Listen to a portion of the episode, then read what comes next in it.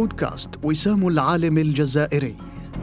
وفي موسمه الثالث نقرأ لكم من خلاله عن تراجم كفاءات علمية جزائرية. خدمت الوطن وأعلت من شأنه. نتتبع مسار حياتهم من النشأة إلى الأثر العلمي والاجتماعي. نفتخر بمؤلفاتهم واختراعاتهم وإنجازاتهم الفكرية والمعرفية. نرسخ بها القدوة في نفوس الناشئة. ونبعث بالأمل في فكر الشباب. بودكاست وسام العالم الجزائري. نعم للجزائر علماؤها.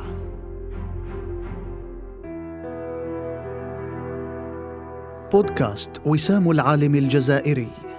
سير كفاءات جزائرية.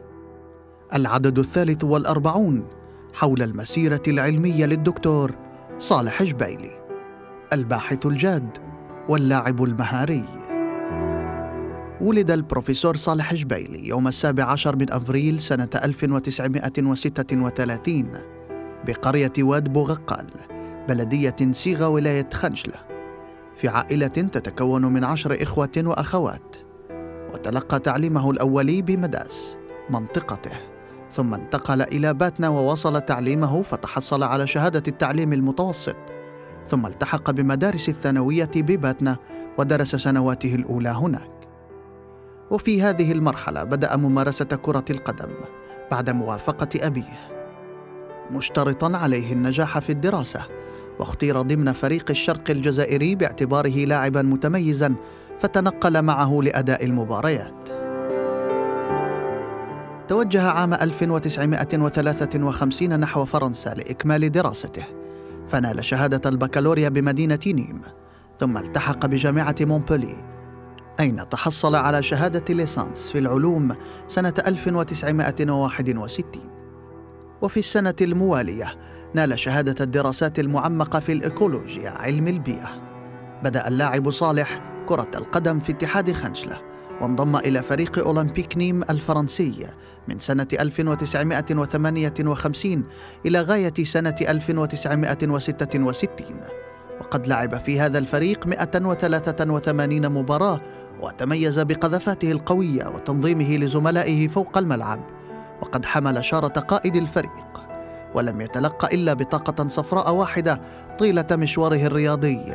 كما كان من أبرز هدافي البطولة الفرنسية سنة 1963 ويعد أيضا من أبرز نجوم فريق نيم عبر تاريخ النادي والدليل على ذلك إطلاق اسمه على أحد الأحياء الجنوبية لمدينة نيم سنة 2011 كما لعب في صفوف الفريق الوطني بداية من سنة 1963 فلعب ضد كل من تشيكوسلوفاكيا سنة 1964 والاتحاد السوفيتي سنة 1966 والتزاما بالوعد الذي قطعه على نفسه مع والده.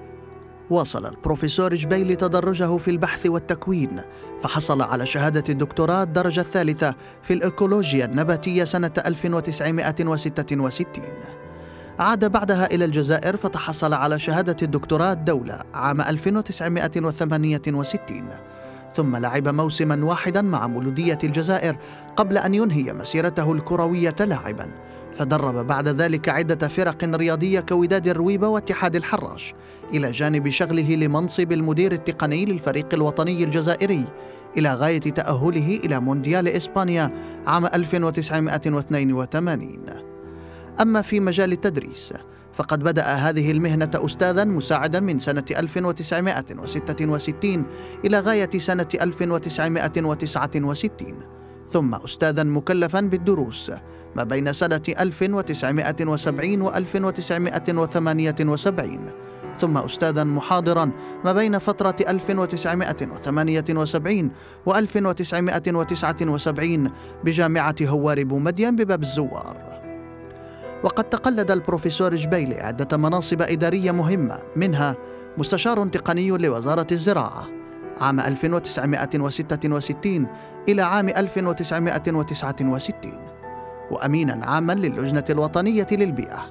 من عام 1973 إلى عام 1978 ومديرا للمعهد الوطني للعلوم الفلاحية بالحراش ما بين فترة 1978 و 1980 ومديرا عاما للمركز الوطني للأبحاث العلمية ما بين سنة 1980 إلى سنة 1983 ومن شهر فيفري إلى غاية شهر أكتوبر سنة 1989 عمل كاتبا عاما للجنة الوطنية للبيئة.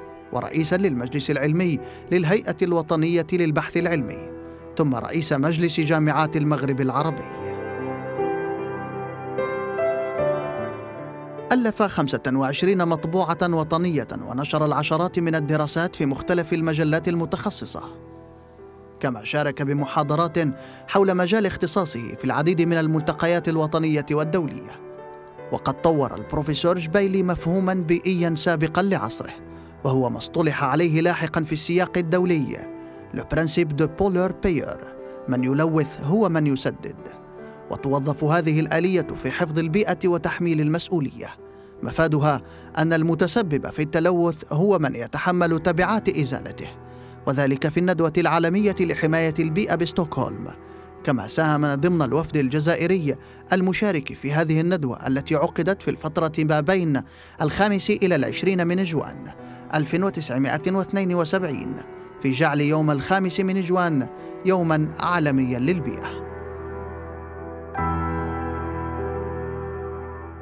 وقد أشرف على العديد من الطلبة في الدرجات العلمية المختلفة فأشرف على حوالي خمسين رسالة في شهادة الدراسات العليا دي أس. وعشرين رسالة ماجستير وثلاث أطروحات الدكتوراه دولة. كما أطلق في عام 1971 الدبلومات الأولى للدراسات المتقدمة أ ما يعادل الماجستير الكلاسيكي في علم البيئة. وأسس مركز البحوث البيولوجية الأرضية سيأغ بيتي سنة 1974 وتقديرا لمجهوداته وكفاءته العلمية. تم تعيينه ممثلا للجزائر في المجلس الوزاري الإفريقي المكلف بالبيئة أديس بابا سنة 1993 وممثلا للجزائر في اللجنة الحكومية للخبراء في العلوم والتكنولوجيا لتنمية شمال إفريقيا. وممثلا للجزائر في مؤتمر الأمم المتحدة الأول المعني بالبيئة في ستوكهولم في يونيو عام 1972 ورئيسا لمجلة بيوسينوس. العلمية. ثم عميد جامعة هواري بومدين للعلوم والتكنولوجيا ما بين سنة 1989 إلى غاية سنة 1994 تاريخ اغتياله. تلقى البروفيسور جبيلي خلال أزمة التسعينيات العديد من رسائل التهديد بالتصفية. كانت آخرها في يوم الحادي والثلاثين من مايو عام 1994 في حوالي الساعة الثالثة مساء. عندما غادر مكتبه برفقة حارسه الشخصي للذهاب إلى موقف السيارات بالجامعة للانضمام إلى سائقه وسيارته إلا أن يد الغدر كانت أقرب إليه فاغتيل في الحرم الجامعي ودفن بمقبرة سيدي يحيى بالعاصمة. وهكذا انطفأت شمعة من شموع العلم في الجزائر كانت تسعى للإسهام في تطوير الوطن من خلال التخصص العلمي. فرحم الله كل عالم عامل.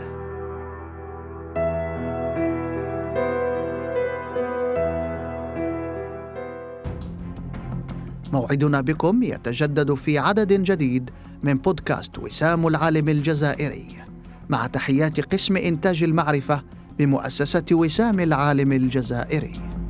نعم، للجزائر علماؤها.